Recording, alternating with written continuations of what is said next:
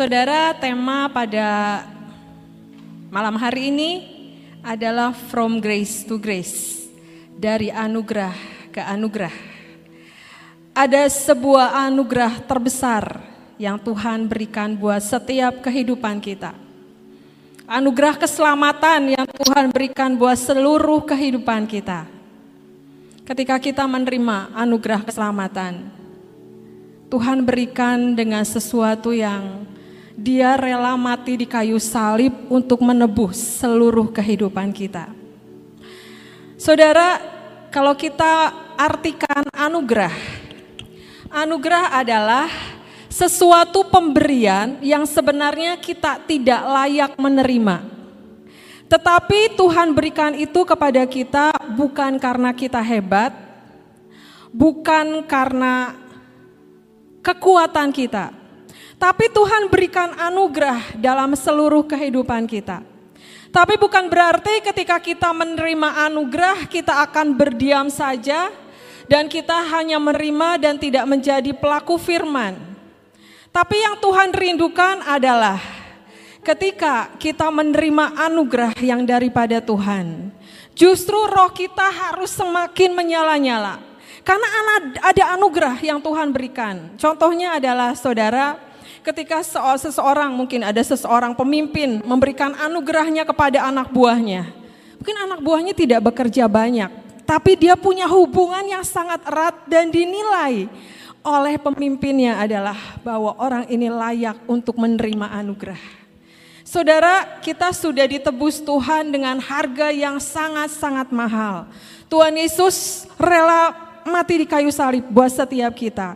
Dan setiap kita punya nilai yang sangat mahal. Setiap kita punya harga yang sangat mahal.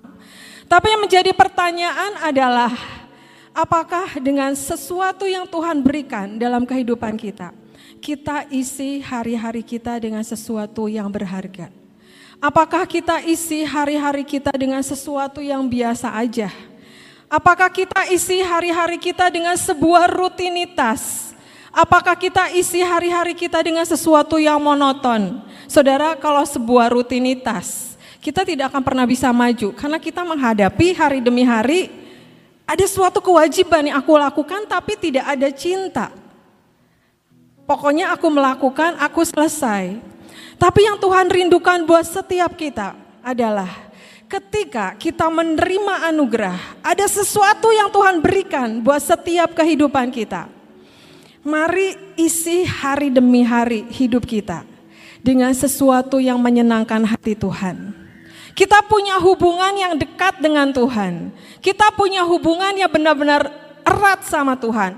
Mari terus berjalan seirama dengan Tuhan, berjalan, belajar, dan terus mendekat apa yang Tuhan rindukan. Saudara, kalau kita isi dengan sebuah rutinitas, setiap kesempatan itu akan hilang. Karena ketika ada kesempatan kita raih dengan gelora cinta. Kesempatan demi kesempatan Tuhan akan bukakan.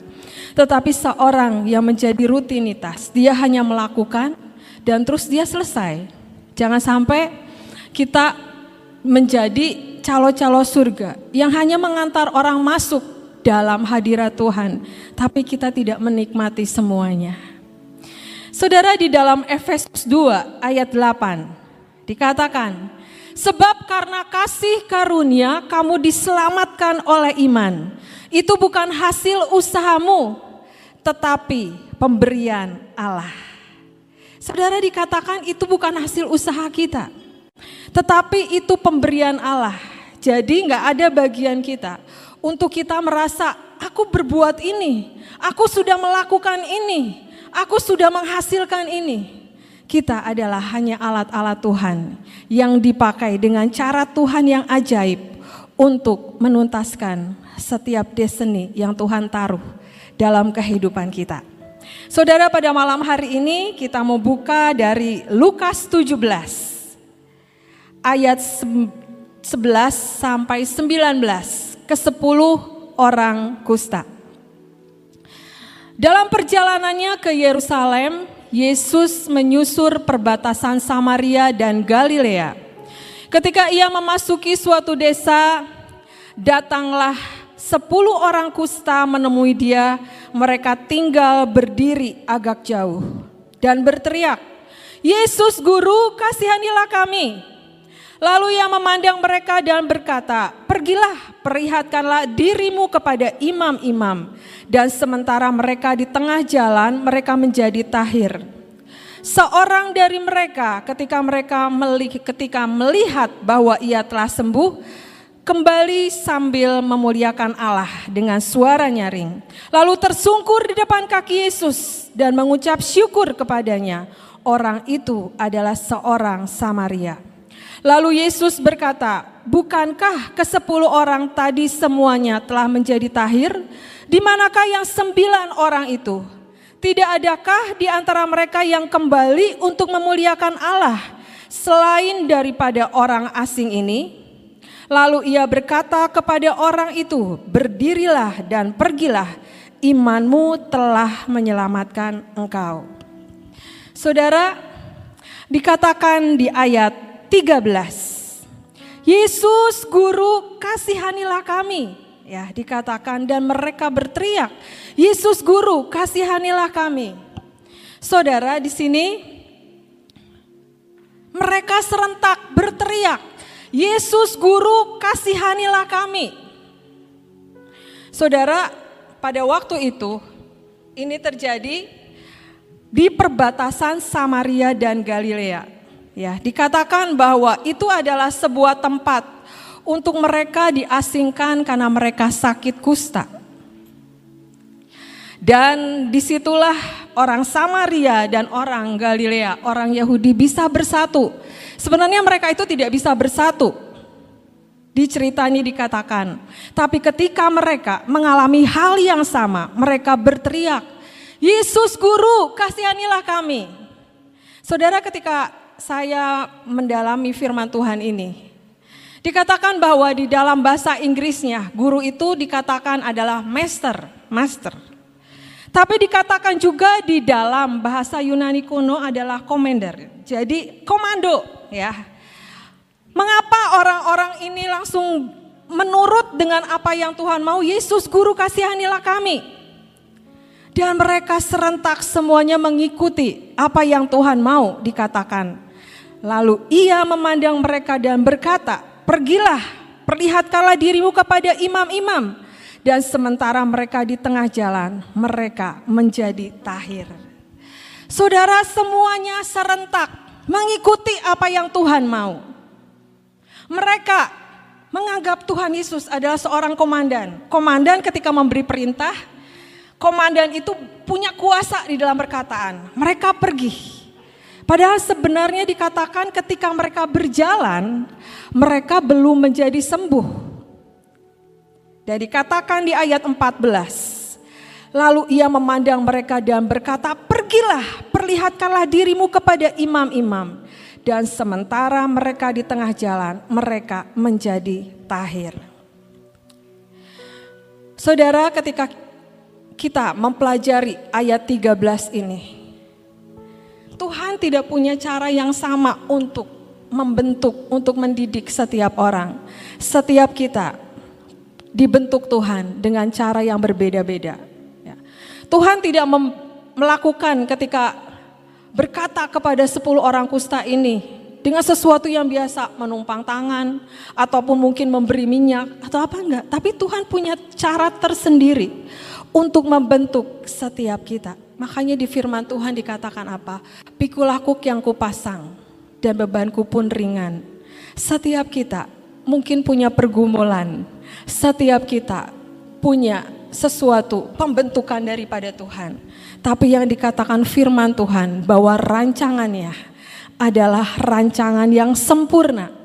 Bukan rancangan kecelakaan, bukan rancangan yang membawa kita untuk semakin dalam dalam proses kita. Tapi rancangan Tuhan adalah rancangan damai sejahtera. Saudara, apa pun yang saudara alami, Mungkin saudara jatuh bangun, jatuh bangun gitu ya. Mungkin kita jatuh, terus kita berdiri lagi kita jatuh. Tapi kuncinya saudara adalah tetap percaya bahwa rencana Tuhan buat setiap kita adalah rancangan terbaik. Mungkin kita berpikir, Tuhan ini melebihi kekuatanku. Tuhan sepertinya aku nggak sanggup, aku nggak mampu.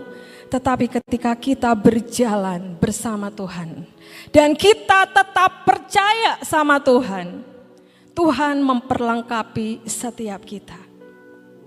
Saudara kesaksian dalam hidup keluarga kami, ada kekuatan yang sampai hari ini Tuhan berikan.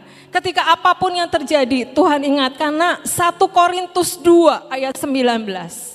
Apa yang tidak pernah dilihat oleh mata, tidak pernah didengar oleh telinga, dan yang tidak pernah timbul dalam hati manusia.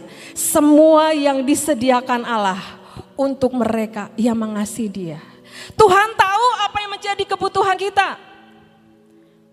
Tuhan mau bilang gini, kamu perlu kekuatan, aku berikan kekuatan. Mungkin saudara butuh sukacita, butuh damai sejahtera. Tuhan berikan. Tapi kadang kita tidak menyadarinya, tetapi ketika kita mengalami satu hal, saya sampai berkata sama Tuhan, Tuhan, kalau bukan kekuatan yang daripadamu, apa yang akan terjadi di masa ke depan? Tapi dengan sebuah kekuatan yang tiba-tiba Tuhan melingkupi, itulah yang membuat kami satu keluarga bisa untuk tetap benar-benar ada di dalam apa yang Tuhan rindukan. Dan saya yakin setiap kita, apa pun yang menjadi kebutuhan kita, Tuhan akan penuhkan. Tuhan akan pulihkan. Tuhan akan terus menyelubungi kita dengan apa yang menjadi kebutuhan kita. Tapi kuncinya saudara tetap percaya bahwa rancangan Tuhan adalah rancangan yang terbaik. Dan jangan kita keluar dari apa yang Tuhan rindukan. Karena ketika kita keluar, kita keluar dari jalan kudusnya Tuhan. Tapi yang Tuhan rindukan, mari nak, hari-hari ini terakhir, kita bekerja, kita berada di ladangnya Tuhan, kita melakukan apa yang menjadi kerinduan Tuhan. Saudara, di selanjutnya dikatakan di ayat 15, Seorang dari mereka ketika melihat bahwa ia telah sembuh, kembali sambil memuliakan Allah dengan suara nyaring. Lalu tersungkur di depan kaki Yesus dan mengucap syukur kepadanya. Orang itu adalah orang Samaria. Saudara, sepuluh orang disembuhkan oleh Tuhan Yesus. Sembilan orang mereka langsung mungkin bertemu dengan orang-orang yang lain. Karena ketika itu mereka sepuluh orang itu sebelum Tuhan sembuhkan mereka diasingkan. Dan kenapa dikatakan bahwa Tuhan berkata mari temui imam-imam. Karena pada zaman itu imam-imamlah yang menentukan mereka sembuh atau tidak. Karena ketika mereka belum sembuh, mereka tidak bisa berinteraksi dengan orang-orang yang ada di sekeliling. Yang sembilan, mereka pergi Langsung mereka mungkin bertemu dengan teman-teman mereka, dengan saudara-saudara mereka, ataupun mereka merasa gembira sampai mereka lupa akan Tuhan. Tapi yang satu orang ini, dia datang kepada Tuhan. Dia mendapatkan sesuatu yang berbeda. Sebuah komando dikatakan, tapi dia melihat perubahan yang sangat dahsyat. Saudara, dari hal ini kita bisa belajar, jadilah orang-orang yang bisa dipercaya oleh Tuhan. Saudara, ketika Tuhan memberikan sesuatu dalam kehidupan kita, sekecil apa pun yang Tuhan berikan, itu akan menjadi benih yang terus membuat kita, iman kita, pengenalan kita akan semakin kuat. Saudara, ketika kita diajarkan Tuhan banyak hal, Jangan itu kita lupakan, tapi itu akan menjadi benih yang membawa hidup kita hari demi hari semakin dalam dan semakin dalam di dalam Tuhan. Saudara saya belajar yang artinya namanya bersandar sama Tuhan sepenuhnya. Ya. Dulu mungkin ketika ada Pak Daniel, saya berharap dengan dia. Apa pun mungkin saya berharap dengan dia. Tapi ketika Tuhan berkata, nak bersandar padaku sepenuhnya. Aku yang akan cukupkan, aku yang akan penuhkan, aku yang akan bekerja dalam hidupmu. Dan ketika itu saya berkata, Tuhan, Engkau begitu sangat ajaib dan luar biasa. Tuhan tidak membiarkan begitu saja buat setiap kita. Yang mungkin kita merasakan hari-hari ini, aku letih Tuhan, aku lesu Tuhan. Tapi Tuhan katakan, mari nak, bersandar kepadaku sepenuhnya. Seperti orang Samaria ini ketika dia disembuhkan Tuhan. Dia berbalik datang kepada Tuhan, kepada sumbernya, kepada Tuhan. Dia mendapatkan sesuatu yang berbeda saudara. Sembilan orang ini mendapatkan kesembuhan secara jasmani. Tapi satu orang Samaria ini, dia mendapatkan juga sesuatu pengenalan akan kehidupan kekal di dalam kehidupannya. Oleh karena itu saudara, kita bisa menjadi orang-orang yang dipercaya mungkin oleh pemimpin kita. Kita bisa dipercaya mungkin oleh orang-orang yang ada di sekeliling kita. Tapi ketika kita menghadap Tuhan, apakah kita bisa menjadi orang-orang yang terus dipercaya dengan apa yang menjadi bagian kita? Bagaimana kalau Tuhan ingatkan dengan saat teduh? Bagaimana kalau Tuhan ingatkan dengan jam doa kita? Tuhan ingatkan dengan apa yang harus kita lakukan dalam setiap pelayanan kita. Dikatakan, anugerah hanya dapat dinikmati dan dimengerti saat kita mengalaminya.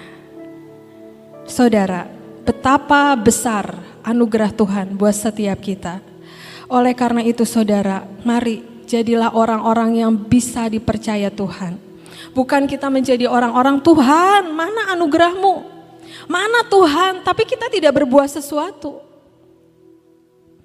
Tapi ketika kita mau belajar anugerah yang Tuhan berikan dalam hidupku, aku mau belajar jadi orang yang bisa dipercaya. Saudara, saya punya kesaksian. Saya itu kan seorang penari, saudara. Banyak kesaksian saya tentang seorang penari. Tetapi ketika Tuhan bawa jauh lebih dalam lagi. Nah, ayo belajar untuk membawakan firman. Pertama, saya berkata Tuhan, Engkau yang memberikan kemampuan dalam hidupku. Kalau Tuhan tidak, memberikan. Bagaimana caranya? Saya tanya sama Tuhan. Tapi Tuhan katakan, nak, ketika sebuah anugerah aku berikan ke dalam hidupmu, mari punya hati yang meresponi. Kalau Tuhan berikan sesuatu, dan Tuhan katakan, nak, ayo lakukan ini. Tapi kita hanya berdiam dan kita tidak melakukan sesuatu. Bagaimana cara kita mencapainya? Saudara waktu dulu sebelum Tuhan ingatkan kemarin. Sebelum saya bisa nyetir mobil, Saudara. Ya, dulu belum sebelum menikah. Waktu saya masih pacaran dengan Pak Daniel, Pak Daniel bilang, "Ini ada mobil. Kalau saya pelayanan, kamu boleh pakai." Saya nggak bisa nyetir, Saudara. Tapi Pak Daniel bilang, ayo kamu harus belajar, harus bisa. Saudara ternyata nyetir mobil itu tidak semudah yang dikira gitu saudara. Pak Daniel sampai give up ngajarin saya. Karena dulu kan manual ya saudara ya. Manual, saya nggak bisa koplingnya. Bisa-bisa saya naikin mobilnya ke atas trotoar saudara. Akhirnya Pak Daniel gini, udah deh kamu belajar sama papa aja Vi katanya. Papa tuh lebih sabar katanya untuk ngajarin kamu. Gitu ya. Tapi saya belajar gini, aku mau bisa, aku mau, aku mau belajar. Sampai akhirnya Pak Yusa ngajarin, gini Vi cara nyetir mobil gini gini gini gitu. Akhirnya saya bisa. Saudara Tuhan menggambarkan ketika sebuah anugerah Tuhan berikan dalam kehidupan kita. Tapi apakah kita punya hati yang meresponi untuk kita melakukan semuanya itu? Kalau kita hanya menunggu dan menunggu, anugerah itu ada, tapi kita tidak bisa untuk meraihnya. Tetapi ketika Tuhan katakan, nak ini sebuah anugerah yang aku berikan. Mari responi dan mari lakukan. untuk engkau bisa benar-benar ada di dalam anugerah itu. Yang berikutnya, saudara, di hari-hari ini, next ya, di hari-hari ini, jadilah orang-orang yang berdiri dengan kuat dalam anugerah Tuhan. Kuncinya adalah nurut sama Tuhan. Nurut sama Tuhan apa saudara? Mari setia dan lakukan apa yang menjadi kerinduan Tuhan. Bukan karena masalah kondisi saudara, tapi masalahnya pilihan kita. Kita mau atau enggak. Kita punya hati yang rindu atau enggak. Saya mendengarkan khotbah Pak Daniel, saudara. Dikatakan dia begini, kalau setia itu ayo belajar setia. Kalau Tuhan maunya A, maunya A. Jangan dilebih-lebihin, jangan dikurangin. Lakukan aja apa yang Tuhan mau. Nanti kamu akan sampai ke tempat yang Tuhan rindukan. Seperti kita naik gunung saudara. Harus sampai ke puncak. Mungkin jalannya susah, jalannya terjal. Tapi ketika kita nurut untuk kita bisa sampai ke puncak, kita sampai ke puncak saudara. Dan saya ada sebuah kesaksian. Ya kesaksian ini buat saya, saya ingat terus dan saya terus belajar. Ketika kita diajar Tuhan untuk nurut. Jangan ujung-ujungnya Tuhan nurut kita. Tapi kita yang nurut Tuhan. Ya, Saudara kesaksiannya begini saudara.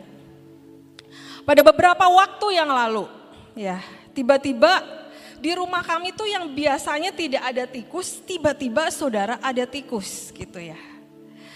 Dan anak saya Lala tuh dari lantai dua teriak, Mami ada tikus gitu ya. Saya itu dari lantai bawah gini, masa sih kamu tuh sama tikus saja takut? Saya bilang gitu ya. Padahal saya juga takut sih jujurnya saudara.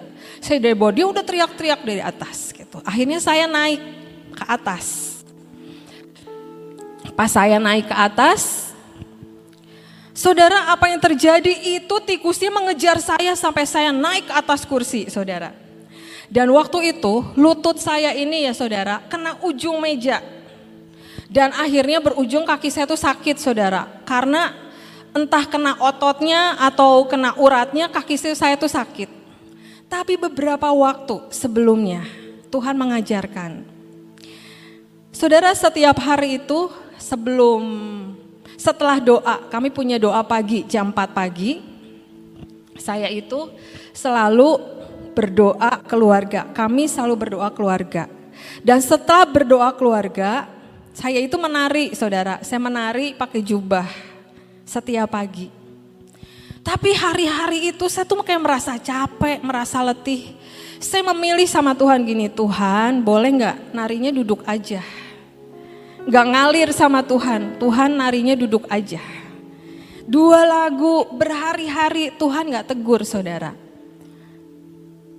Akhirnya saya mengerti bahwa bukan urut Tuhan, Tuhan urut saya. Tapi mau melakukan apa yang Tuhan rindukan. Dan ketika Tuhan mengingatkan kejadian itu saudara.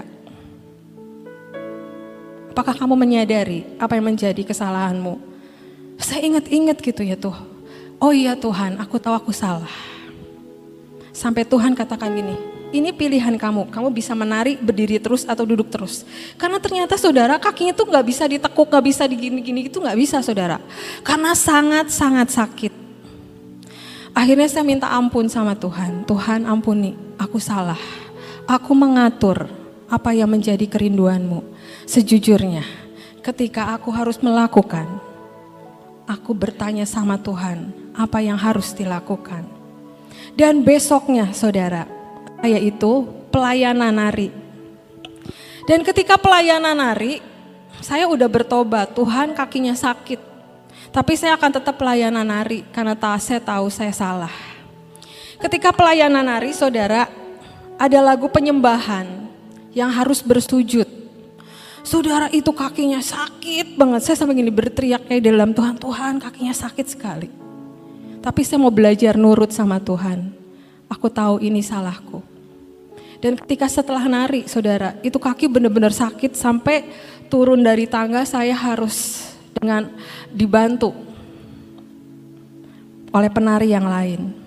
Di, di situ saya sangat belajar dan saya nggak pernah lupa nurut sama Tuhan. Benar-benar hati kita punya tulus, nurut apa yang Tuhan mau. Jangan berujung Tuhan harus nurut sama kita. Dan saudara, waktu itu ketika benar-benar sakit sekali gitu ya. Saya berdoa Tuhan, ampuni, aku menyadari aku salah. Sampai di rumah, akhirnya tidur, udah bertobat, udah saya akhirnya tidur. Saudara, keajaiban terjadi. Besok paginya ketika bangun pagi, saya merasakan rasa sakit itu hilang sama sekali, nggak ada sisa sedikit pun saudara. Sampai saya tuh gini-gini, loh kok kakinya nggak sakit sama sekali ya, kenapa kemarin sakit sekali ya gitu. Tapi ini mengingatkan sampai sekarang saya nggak pernah lupa. Bahwa ketika kita bertobat dan datang kepada Tuhan. Tuhan akan memberikan yang terbaik buat setiap kita. Dia tidak akan meninggalkan kita ketika kita bertobat. Tapi bertobatnya datang sungguh-sungguh sama Tuhan. Saudara, kalau kita ingat cerita anak yang hilang. Ketika dia meninggalkan bapaknya, dia berpesta pora, melakukan apa yang dia inginkan. Sampai suatu saat dia hidup melarat, makan makanan babi. Dan dia berpikir, Pelayan-pelayan bapakku aja makan makanan yang enak. Di situ dia bertobat dan dia berkata, "Aku mau kembali kepada Bapak." Walaupun aku hanya sebagai pekerja Bapakku nggak apa-apa. Aku mau datang dan bertobat datang kepada Bapak. Saudara kalau saudara baca di firman Tuhan. Bapaknya berlari dan dia memanggil pelayan-pelayannya, anakku yang hilang sudah datang. Saudara, ketika saya baca ini, sebegitu gembiranya Tuhan ketika kita datang kembali sama Tuhan. Saudara, kalau kita dalam sehari-hari gitu ya, kalau anak, ketemu bapaknya, pasti anaknya yang lari ke bapaknya. Tapi ini bapaknya yang berlari kepada anaknya dan mengajak pelayan-pelayannya, anakku yang hilang sudah datang. Saudara yang menjadi kerinduan Tuhan adalah setiap kita. Mari bertobat dan datang kepada Tuhan. Karena Tuhan begitu sangat merindukan setiap kita. Nggak ada dari kita yang terhilang. Nggak ada dari kita yang tertinggal. Yang Tuhan rindukan. Mari berkumpul bersama-sama aku. Saudara ketika saya membaca ini, hati saya tuh bergejolak ini. Betapa Tuhan sungguh mengasihi setiap kita tuh dengan hati yang benar-benar. Aku rindu setiap anak-anakku datang kepadaku. Karena setiap, karena Tuhan sudah menyediakan ketika anak ini hilang. Diberikan jubah, sepatu, semua yang baru. Yang terbaik yang diberikan tapi kuncinya adalah apa? Saudara dan saya. Mari bertobat dan datang kembali kepada Tuhan. Jangan kita hidup seperti anak yang terhilang. Mungkin ada beberapa sifat karakter kita yang mungkin kita katakan orang lain gak tahu. Aku masih menyukai ini. Tapi yang Tuhan rindukan pada malam hari ini, nak, ayo kembali, ayo kembali dan datang kepadaku Aku sangat merindukan dan aku sangat ingin semua berkumpul dan tidak ada yang terhilang dan tertinggal. Yang berikutnya saudara. Di dalam Lukas 17 ayat 19 tadi dikatakan, lalu ia berkata kepada orang itu, berdirilah dan pergilah, imanmu telah menyelamatkan engkau bangkitkan iman percayamu. Jangan kita hidup di dalam keraguan-raguan. Jangan kita hidup di dalam penuh pertanyaan. Jangan kita hidup di dalam ketidakpuasan. Tapi mari bangkitkan iman percaya kita. Saya ingat dulu saudara, kalau anak saya Keisha bilang gini, papi aku nggak berani gitu ya. Padahal dia ngomong gini, percaya aja sama papa, pasti kamu tuh bisa.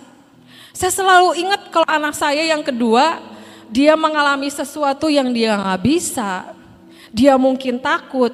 Selalu dia berkata gini, percaya sama papa, pasti kamu bisa.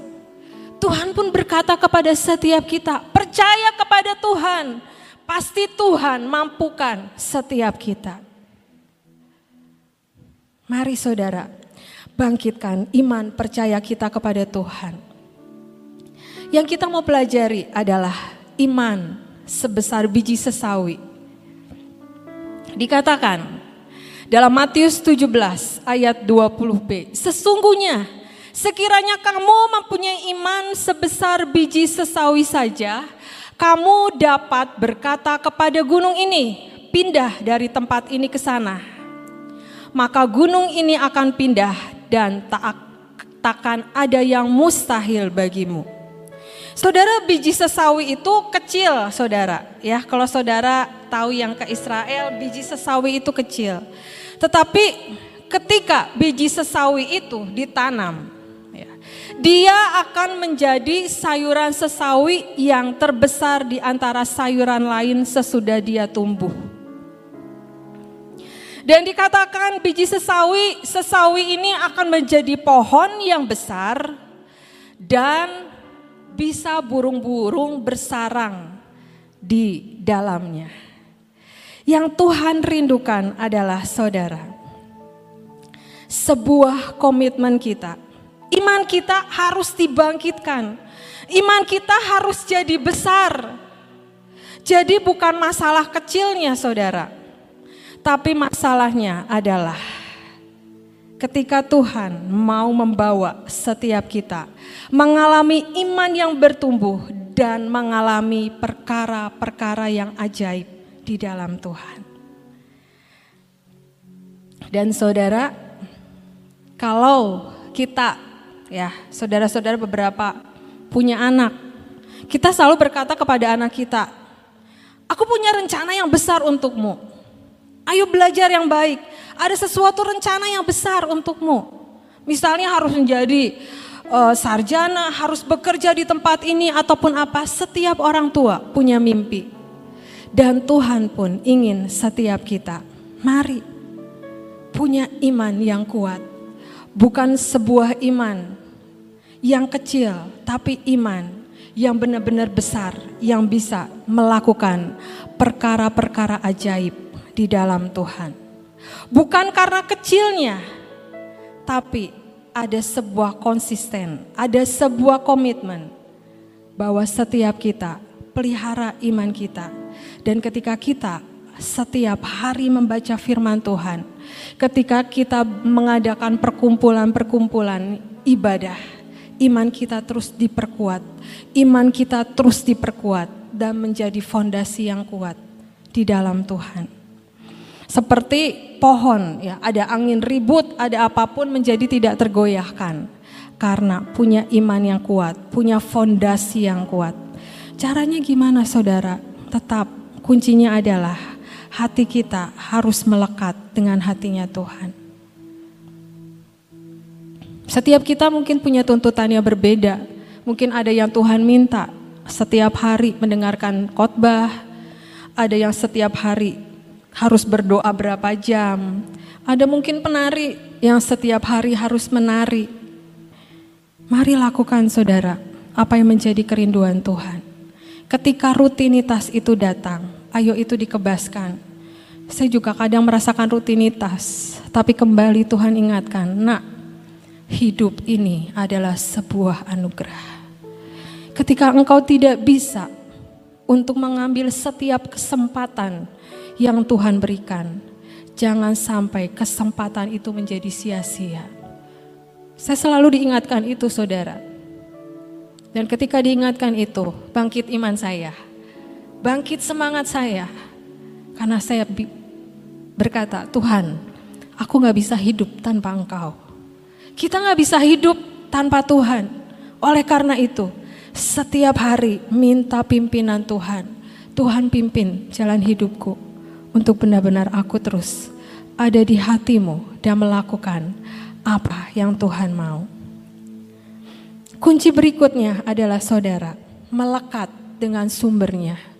Sumber anugerah itu adalah Tuhan. Mari seperti orang Samaria ini mendekat sama Tuhan. Waktu dia dikatakan Tuhan, ayo pergi ke imam-imam. Mungkin jarak dia jauh saudara. Tetapi ketika dia tersungkur, dia semakin dekat sama Tuhan dan semakin dekat sama Tuhan. Jika kita melekat dengan sumber mata air, maka kita tidak akan kekurangan. Mazmur 23, Saudara. Tuhan adalah gembalaku, takkan kekurangan aku. Ia membaringkan aku di padang yang berumput hijau. Saudara bisa baca di rumah ada janji-janji Tuhan. Oleh karena itu saudara, ketika kita membutuhkan sesuatu, jangan kita hanya cari berkatnya, cari tangannya. Tapi ketika kita menghadap Tuhan, cari sumbernya dan melekat dengan hati Tuhan. Kalau sumbernya punya air yang melimpah, kita pun akan merasakan air kehidupan itu terus ada dalam kehidupan kita. Saudara ada sebuah cerita, ada sebuah kesaksian. Ada seseorang membutuhkan pekerjaan. Dia datang kepada pemimpin gerejanya, kepada pemimpinnya. Pak doakan saya untuk saya bisa bekerja. Waktu berdoa akhirnya dia dapat pekerjaan. Tapi ketika waktu-waktu dia pelayanan, dia berkata, saya izin hari Sabtu karena nggak bisa, karena ada pekerjaan lembur. Hari up, mungkin hari Minggu ibadah bersama, nggak bisa karena saya harus ada di tempat kerja saya. Jangan hal itu terjadi buat setiap kita, saudara. Dengan anugerah yang Tuhan berikan, dan Tuhan mengajarkan melekat dengan sumbernya. Jangan sampai kita menomorduakan Tuhan Walaupun dengan keadaan apa pun, mari tetap nomor satukan Tuhan. Saudara kadang, mungkin yang perempuan mungkin ya, ataupun ketika kita punya masalah, kita cari orang terdekat dan kita berbicara, kita ngobrol. Tapi apakah itu sebuah jalan keluar? Ya belum tentu saudara. Tapi mari dalam menghadapi apa pun, mari menghadap kepada Tuhan. Kadang kita ingin jawaban yang instan, kita ingin jawaban yang langsung. Tapi Tuhan lebih melihat ketika pembentukan itu terjadi, ketika proses itu terjadi, membuat kita semakin dibentuk Tuhan. Dan yang Tuhan rindukan bukan membuat kita mundur, tapi Tuhan rindukan setiap kita. Mari mengenal aku lebih dalam lagi. Mari untuk mengenal aku lebih dalam lagi Tuhan rindukan kita next level saudara. Bukan kita berdiam, tapi Tuhan rindukan kita untuk next level. Mari jangan kita untuk hanya berkat-berkatnya aja. Akhirnya kita kurang mengucap syukur. Tapi yang Tuhan rindukan terus mengucap syukur dalam segala perkara di dalam 1 Korintus 15 ayat 10. Tetapi karena kasih karunia Allah, aku adalah sebagaimana aku ada sekarang. Dan kasih karunia yang dianugerahkannya kepadaku tidak sia-sia. Sebaliknya aku telah bekerja lebih keras daripada mereka semua. Tetapi bukannya aku, melainkan kasih karunia Allah yang menyertai aku.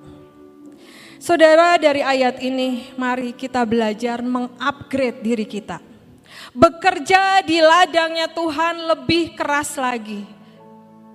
Dengan kita merasakan anugerah Tuhan dalam kehidupan kita. Jangan kita terlena dengan keadaan yang ada dan kita memilih untuk diam. Kalau saudara tahu hari-hari ini ya zaman sekarang itu ada percepatan. Kita pun perlu masuk dalam percepatannya Tuhan. Kalau kita mau beli barang aja ya saudara, kita nggak usah pergi ke toko, kita bisa online. Ya. Ada kemajuan zaman. Kalau kita mau pertemuan meeting, ada Zoom meeting. Gitu ya. Tapi yang Tuhan rindukan buat setiap kita, ketika dunia mengalami percepatan. Ayo kita juga mengupgrade diri kita untuk di-upgrade dalam kehidupan rohani kita. Jangan kita menjadi yang tertinggal, tapi yang Tuhan rindukan adalah poin pertama, punya roh yang haus dan lapar. Yang kedua, menghargai setiap waktu dan kesempatan yang diberikan. Isi hari-hari kita terus untuk benar-benar ada di hadirat Tuhan dan melakukan apa yang Tuhan mau. Poin berikutnya adalah jadi orang yang di atas rata-rata. Bukan saatnya diam dan menunggu, tapi mari kerja lebih keras lagi. Apa pun yang menjadi bagian saudara, apa pun yang menjadi pelayanan saudara, hari-hari ini, ayo upgrade diri kita. Bagaimana caranya? Banyak hal yang akan Tuhan bukakan masuk dalam percepatan Tuhan dan terbang lebih tinggi lagi. Saudara ada seorang ibu datang, ibu saya ibu rumah tangga, bagaimana caranya saya bisa mengupgrade diri saya. Suatu saat kita berdoa dan saya bilang, ayo bu, ibu kan bisa masak. Ibu mari lakukan, masak dan bagikan kepada orang-orang di sekitar. Dan dia merasakan ada berkat Tuhan yang mengalir. Dan sampai saat ini dia menjadi berkat lewat masakan yang dia masak. Saudara mungkin hal ini sederhana. Tapi setiap kita perlu mengupgrade diri kita dengan cara yang berbeda. Kita nggak bisa niru orang lain, tapi yang Tuhan taruh dalam hidup kita apa? Ada juga sebuah kesaksian, saudara. Ibu ini ingin mengupgrade dirinya. Bagaimana caranya untuk saya bisa menjadi berkat buat orang-orang di sekitar? Ya, ibu ini berdoa, ikut berdoa setiap jam 5 pagi, saudara, untuk berdoa Indonesia. Pada waktu itu dia punya masalah yang besar. Ketika dia diajak untuk berdoa buat Indonesia, dia berkata, berdoa buat diri sendiri aja belum jalan keluar, kata dia. Kenapa saya harus berdoa buat bangsa Indonesia, katanya gitu. Tapi dia saat itu merenung, oke lah saya ikut berdoa buat bangsa Indonesia, katanya gitu. Saudara ketika hari-hari kemarin PPKM, dia menjadi seorang guru les dan akhirnya semua guru, semua anak-anak les berhenti saudara. Tapi Tuhan punya banyak jalan. Sewak, satu waktu dia nggak punya uang saudara, dia bilang uang saya sudah menipis dan saya nggak bisa untuk cukup makan apalagi membeli kuota untuk mendengarkan YouTube dia bilang. Doa jam 5 pagi. Tapi hari itu saudara dia terbuka pikirannya gitu ya. Tiba-tiba saudara dia tuh mau ke pasar. Ada tetangganya boleh nggak saya nitip untuk beli sayur dia bilang oke okay, boleh dari satu orang ke satu orang dan ke satu orang, saudara. Akhirnya dia menjadi apa saudara? Justip sayur saudara. Saya, saya tanya, uangnya bagaimana cara mendapatkannya? Ternyata dari satu orang yang beli, kembaliannya nggak usah. Dari satu orang beli, kembaliannya nggak usah. Akhirnya terkumpullah, satu hari dia bisa mendapatkan 200 ribu saudara. Dan saya sampai kagum gitu sama Tuhan. Tuhan tuh punya banyak cara bagaimana cara memberkati kita. Ketika kita mau melangkah, ketika kita mau mengupgrade diri kita, Tuhan punya banyak jalan. Dan akhirnya saudara, dia bukan just belanja baju saudara, just ke pasar.